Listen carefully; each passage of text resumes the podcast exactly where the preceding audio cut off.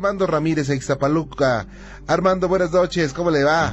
¿Qué Muy buenas noches. ¿cómo Bien- bienvenido, gracias por estar con nosotros. Ah, bueno, pues este, yo tengo unos relatillos que contar de algo pues que me sucedió cuando yo tenía más o menos la edad de entre 7 y 8 años. Ajá, Eh, ahí en casa de mi abuelita, a un lado, hay una casa donde hace tiempo que no viven, ¿no? ajá, Se supone que los dueños vienen este, de vez en cuando a revisar su casa.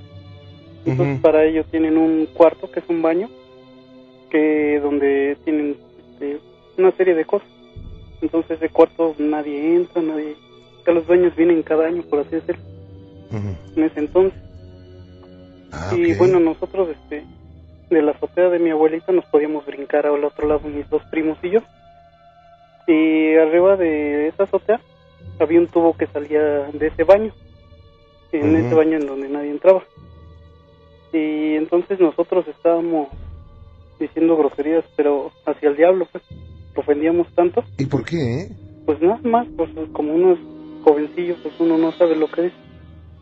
Y Ujú. empezábamos a ofender y a decir una serie de groserías fuertes. Tal fue el grado que de ese tubo de PVC, que era un tubo que salía de ahí del baño ese, nos salió una voz así como en las películas de exorcista.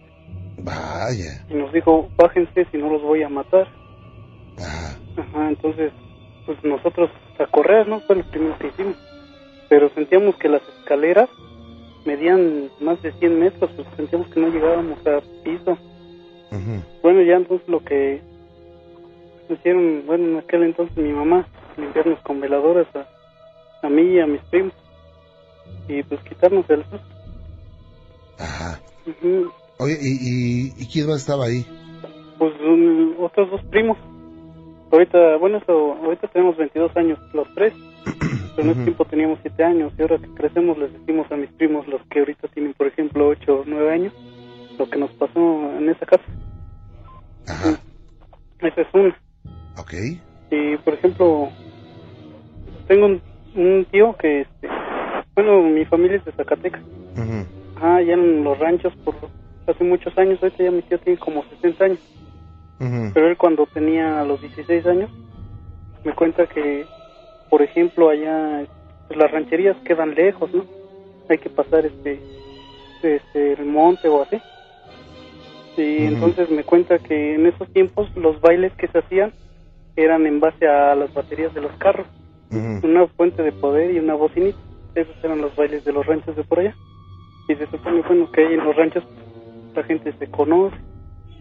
Entonces, eh, aquella ocasión le dice un amigo, dice, vamos al baile a tal casa, a tal rancho. Y sí, pues se van para el rancho. Pero pues como allá no hay transporte luego todo es a pie. Y eso ya se fueron de noche. Y resulta que después del baile, en la regresada, y bueno, ahí él se fue con un amigo, regresó con el mismo amigo, pero empezaron a oír caballos y pies, de cómo caminaban. Ajá, el trote, pues. Ajá. Y entonces, este, ahí empezaron a oír, pero pues ya, ellos se hicieron a un lado porque los caballos venían así a, a trotando así fuerte. Y entonces escondieron atrás de unos arbustos al lado de la vereda, o veredicta que le llaman. Y pues resulta que no pasó nada, no vieron nada. Con la sombra de, bueno, con la luz de la luna se ve, se Ujú. alcanza a ver y no pasó nada. No hicieron caso y bueno, se siguieron caminando. Entonces ya se vinieron más caballos, se oyeron más caballos corriendo y venían este, trotando y pues ya se espantaron, ¿no? Porque en la primera vuelta no vieron nada. Y igual corrieron por ahí abajo del arroyo y se escondieron. Y dicen que pues nada más se veían sombras como de aquellos tiempos de los revolucionarios. Ah, Fue lo que pasó allá en, en Guadalupe, Victoria, Zacatecas. ¿Y esto cuánto tiempo tiene que pasó? Oh, pues que pasó hace como unos 42 años por ahí. Sí, ya tiene tiempo. Y eso me lo platica mi tío y mi mamá. Y bueno, ya, ya del susto que les dio, llegando a al que es el ejidal del rancho donde ellos son, entonces ahí hay una escuela en la cual pues en aquellos tiempos no tenía ni bardas ni nada. Entonces se metieron a, a esconderse a, en ese tiempo pues eran letrinas, no eran baños, escondieron en la letrina, él y su amigo. Y entonces ahí pues este, de tanto miedo que les dio, o sea, ya no, no pudieron llegar a sus casas, sino que hasta el otro día en la mañana, pues ya que salió el sol, se fueron cada quien para su casa y imagínense las regañadas que les dieron a cada quien. De que por qué no llegaste, pero Claro. tal, tal fue el susto que, le, que les veían en la cara que, o sea, ni, ni los regañaron, estaban chicos en aquel tiempo. Bueno, ese es mi relato. ¿Y qué es lo más fuerte que ha ocurrido por allá? ¿Qué te ha ocurrido? ¿Qué me ocurrió? Ajá. Ah, pues bueno, por acá, este, pues fue en los tiempos que más o menos murió mi abuelita, y por el año 2000, 2002 por ahí. Entonces, este, mis vecinos, un niño fue el que empezó a decir, este, mire, le dice, "No, mire señora, ¿qué va ahí volando? Pues los niños pensaban que era un, el niño pensaba que era un globo o algo así, ¿no? Y Ajá. ya entonces se asoma una vecina que estaba con nosotros ayudándonos en eso de, pues sí, ¿no? Que hacen los rosarios. Y ya eran como eso de las seis, seis y media, por ahí. Todavía había sol en la tardecita. Y eh, pues mi mamá me dice, hijo, mira, ven a ver. Y era una bruja. Era una bruja, era una señora, mm, así como las dibujan en las caricaturas, con escoba eh, de, de vara, de ramas de vara. Era este, una bruja y ocupaba una túnica como los monjes, así negra. Entonces estaba cubierta de la cabeza, pero en eso iba ella solo- no se movía para nada. Pero entonces yo creo que el viento le pegó, que la volteó y entonces vimos que era una mujer que iba sentada en una escoba.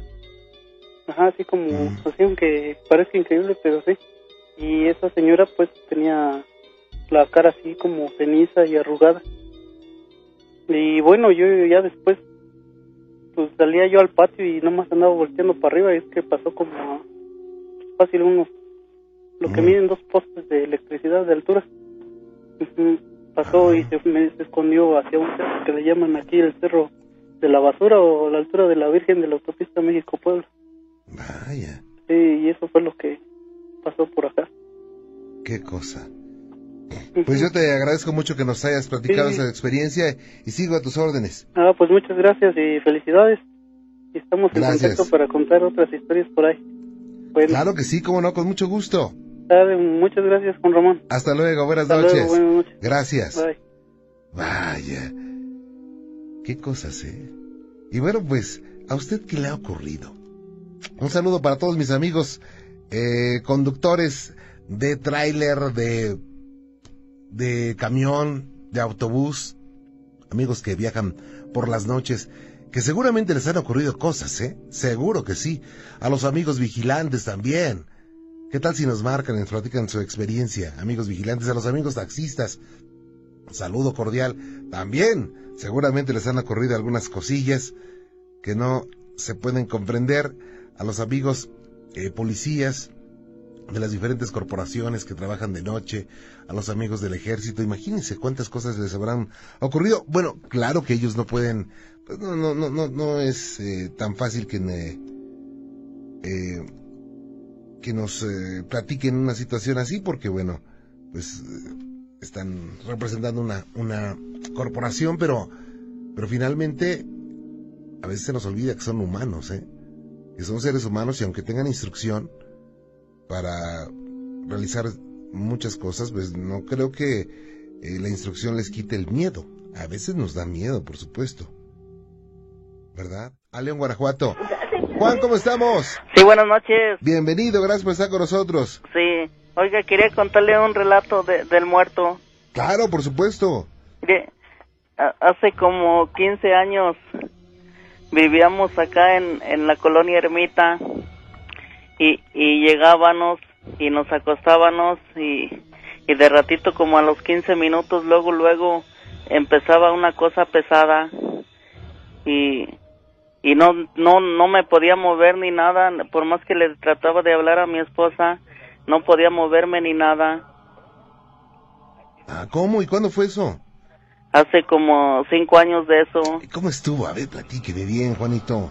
Sí, pues es que en esa casilla sabe que era como un ce- era era un cerro y y este llegábamos y hasta nos daba miedo llegar porque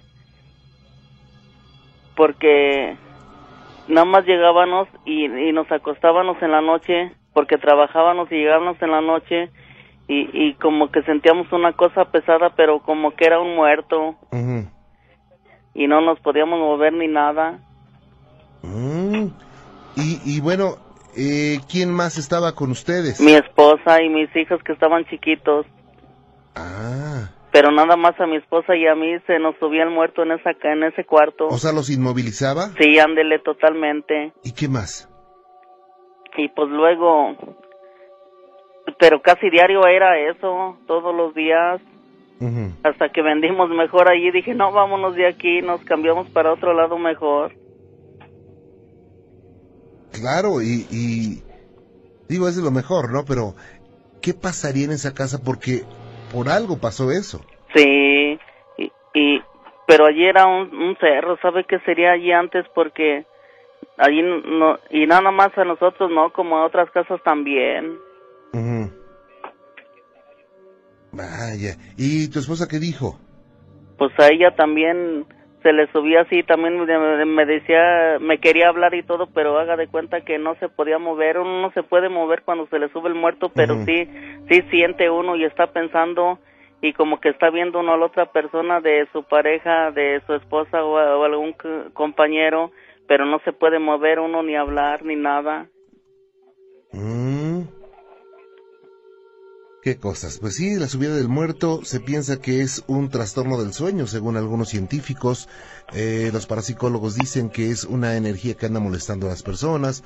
Los esotéricos dicen que es el cuerpo etéreo que no se logra acomodar a tiempo.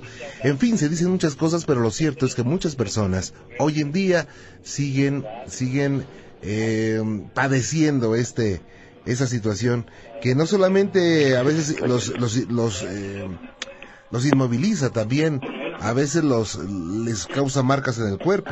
Sí, Vaya. Y bueno, y hoy hoy que pasó esto, ¿qué, qué piensas que fue? ¿Te dio miedo? sí me dio bien harto miedo, mucho. Vaya, ¿y tu, tu esposa qué decía? pues también le dio mucho miedo y dijimos mejor hay que vender aquí, irnos de aquí y vendimos allí y nos fuimos para otro lado. Vaya. Vaya. ¿Y en la nueva casa ya no? No, ya no. Ya todo más tranquilo, todo más a gusto. Qué cosa. Bueno, pues son situaciones que no tienen explicación lógica, sin embargo ocurren.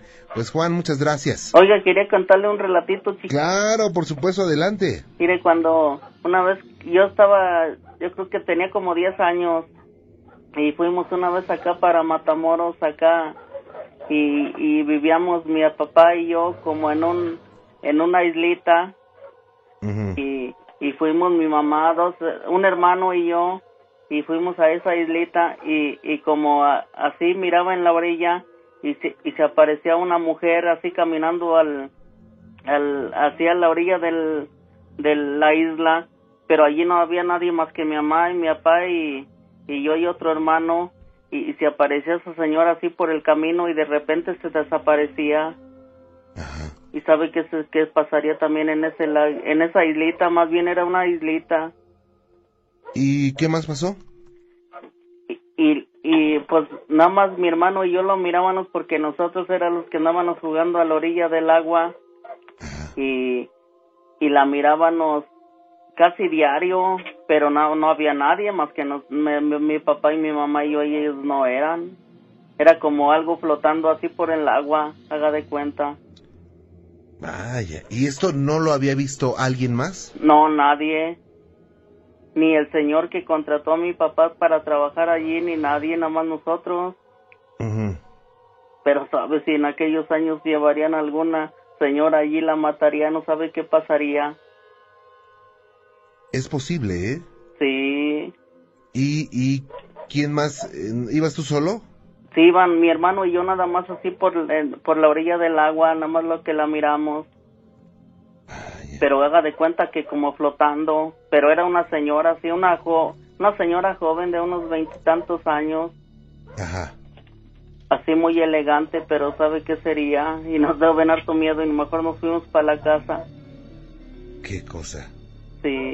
Vaya, Juan, pues un abrazo, muchas gracias. Y ojalá que estés por siempre con nosotros. Muy amable. Sí, bueno, gracias, ándele. Hasta luego, gracias, buenas noches. Sí, buenas noches, adiós. Hasta luego.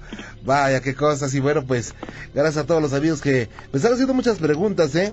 Muchas preguntas eh, acerca de varias cosas. Pero, pues, una pausa y regreso. Y continuamos con mucho más. Tengo mucho más para ustedes esta noche.